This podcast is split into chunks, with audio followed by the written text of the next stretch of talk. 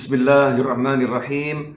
Alhamdulillahirabbil alamin. Allahumma salli wa sallim ala sayyidina Muhammadin miftahi babi rahmatillah adada ma fi ilmillah. Salatan wa salaman daimain bidawami mulkillah wa ala alihi wa sahbihi.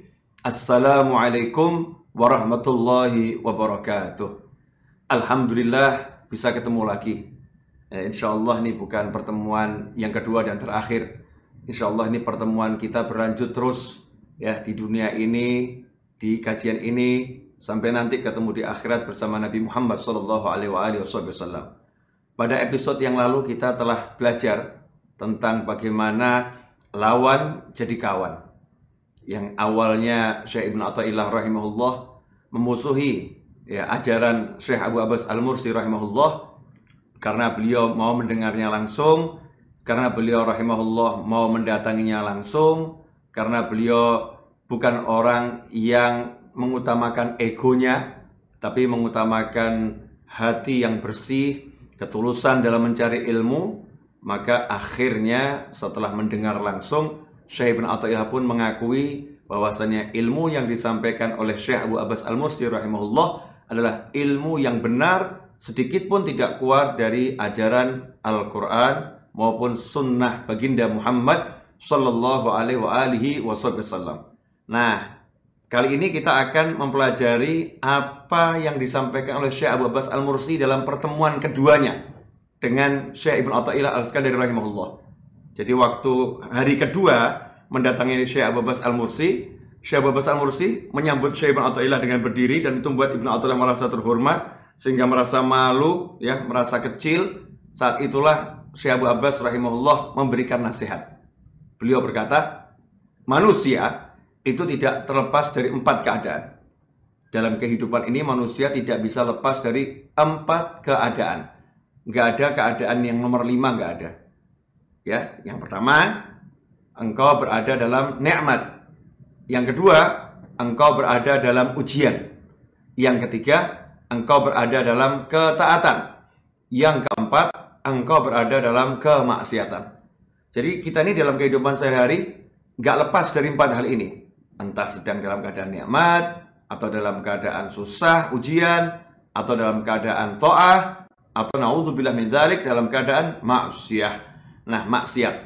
Keempat hal ini ada haknya, ada tugas ya dalam empat hal ini. Kata Syekh uh, Abu Abbas Al-Mursi rahimahullah, kalau engkau berada dalam nikmat, tugasmu adalah bersyukur. Mensyukuri nikmat tersebut. Kalau engkau berada dalam keadaan ujian, nggak enak, maka tugasmu adalah bersabar. Kalau engkau berada dalam keadaan taat, diberi kemampuan untuk taat oleh Allah Subhanahu wa taala, maka tugasmu adalah syuhudul minnah. Saksikan bahwasannya yang memberi kamu kesempatan untuk taat, memberi kamu kekuatan untuk taat, memberi kamu taufik untuk taat itu murni Allah Subhanahu wa taala. Dan yang keempat, kalau engkau dalam keadaan maksiat, maka tugasmu adalah segera istighfar, minta ampun dan bertobat kembali kepada Allah Subhanahu wa taala. Keempat kalimat ini menghunjam dalam hati Syekh Ibn Atta'illah. Nah, mari kita bahas dalam pertemuan kali ini empat keadaan manusia ini. Nah, sering kali kita dalam keadaan nikmat, tapi kita tidak mensyukurinya. Kalau kita dalam keadaan nikmat dan tidak merasakan nikmat itu, bagaimana kita bisa bersyukur?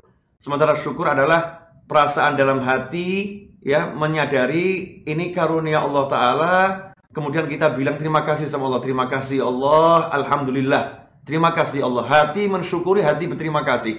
Bagaimana kita bisa berterima kasih kepada Allah? Bagaimana kita bisa mensyukuri nikmat Allah? Kalau kita sendiri nggak paham mana itu nikmatnya, yang mana nikmat? Kita sering kali mengecilkan nikmat itu dengan kaitannya jumlah. Kalau mendapatkan jumlah besar, kita baru berterima kasih, bersyukur. Kalau jumlahnya sedikit, nggak keluar syukurnya.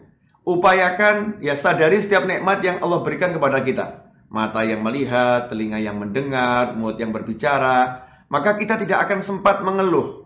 Nggak akan sempat merasa kekurangan. Karena terlampau banyak yang Allah berikan kepada kita.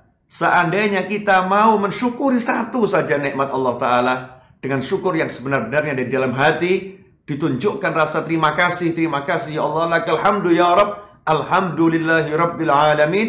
maka kita akan merasakan kebahagiaan. Karena tidak ada orang yang bersyukur kecuali orang yang merasa mendapat nikmat. Dan tidak ada orang yang mendapat nikmat kemudian tidak bahagia. Makanya saat orang belajar tentang nikmat Allah dalam dirinya, maka dia sebetulnya sedang berusaha menjadi orang yang selalu bahagia. Karena orang yang selalu dalam keadaan syukur, hidupnya selalu bahagia. Kemudian dalam keadaan ujian, kalau ternyata memang diuji dengan sakit, ya walaupun sakit itu sebetulnya sebuah nikmat, ya ke, ke kekurangan rezeki itu sebuah nikmat. Tapi secara umum manusia menganggap bahwasannya berkurangnya rezeki, ya tertahannya hajat, kemudian e, diberi musibah berupa penyakit atau kehilangan sesuatu adalah sesuatu yang tidak menyenangkan. Kalau kita ingin keluar dari situasi yang tidak menyenangkan ini, tugas kita hanya satu, bersabar. Ya bersabar artinya dia bisa menanggung hal-hal yang gak enak yang dialami. Tidak berkeluh kesah kepada umat umat manusia. Kemudian yang ketiga, ini yang penting. Seringkali orang ketika bisa taat lupa. Kalau yang memberi dia kemampuan taat itu Allah subhanahu wa ta'ala. Sehingga ketika dia taat, dia melihat orang lain yang belum taat, dia merasa lebih hebat. Dia merasa lebih baik. Dia merasa lebih lebih soleh. Nah perasaan ini ujub, berbangga diri dan sombong, kibir. Bahaya kalau sampai kita merendahkan orang lain, ya karena kita lebih taat. Karena kita lebih soleh dalam pandangan kita. Karena itu ikhwani rahimakumullah untuk menyelamatkan diri dari penyakit yang berbahaya ini, penyakitnya iblis rasa sombong ketika iblis tidak mau sujud kepada Nabi Adam alaihissalam atas perintah Allah taala, muncul kesombongan dalam hatinya agar kita selamat, maka kita harus menyadari kamu tidak bisa menciptakan ketaatan. Yang menciptakan ketaatan itu Allah taala. Yang memberi kamu kemampuan taat itu Allah Ta'ala. Yang beri kesempatan Allah Ta'ala. Yang beri hidayah Allah Ta'ala. Maka seharusnya kita bersyukur. Alhamdulillah terima kasih. Ya Allah engkau telah pilih aku. Ya engkau telah pilih aku untuk taat kepadamu. Tanpa kita merendahkan orang lain. Justru akan timbul rasa sayang kepada orang lain. Yang belum mendapatkan kesempatan untuk taat. Di situ nanti kita akan mendoakan seluruh umat Nabi Muhammad Wasallam. Yang keempat, kalau dalam keadaan maksiat, Ya dalam keadaan maksiat jangan putus asa. Yang tadinya taat taat taat taat tiba-tiba maksiat. Ingat kita punya Allah yang maha kuasa, Allah yang maha hebat, Allah yang maha mampu mengampuni sebesar apa pun dosa kita. Makanya kalau kita sadar ibadah itu jalan mendekat kepada Allah, ketika kita terpleset dalam kubangan kemaksiatan, terjerumus dalam dosa, maka seharusnya segera bangkit dan kejar Allahnya datangi Allahnya, minta maaf kepada Allahnya, minta ampun kepada Allahnya. Dan Allah sudah bilang, siapa yang mendekat kepadaku dengan berjalan, aku menghampirinya dengan berlari.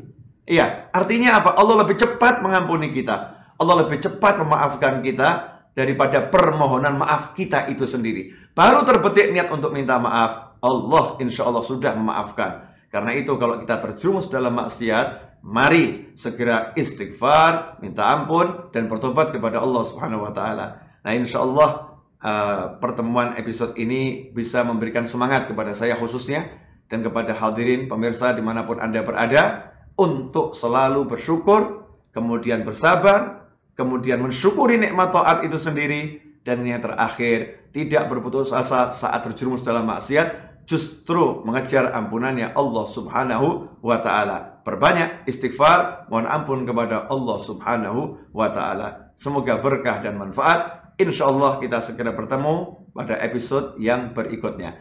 Jangan lupa subscribe channel Habib Novel Al Idrus ini ya. Kemudian kasih komentar. Kalau Anda suka kasih komentar, suka nggak suka beri komentar agar kami bisa belajar juga ya, belajar apa yang tidak Anda sukai sehingga bisa menampilkan yang lebih baik dan lebih bagus. Dan yang terakhir, ikut andilah dalam dakwah. Share kajian ini sehingga kajian ini tersebar luas ke mana-mana dan semakin banyak orang yang mendapatkan manfaat. Satu orang yang belajar dari hasil share antum semua, antum mendapatkan pahala yang sama. Mari kita berlomba-lomba, fastabigul khairat untuk berbuat kebajikan, menambah ladang amal kita untuk kebahagiaan kita dunia dan akhirat. Semoga berkah dan manfaat.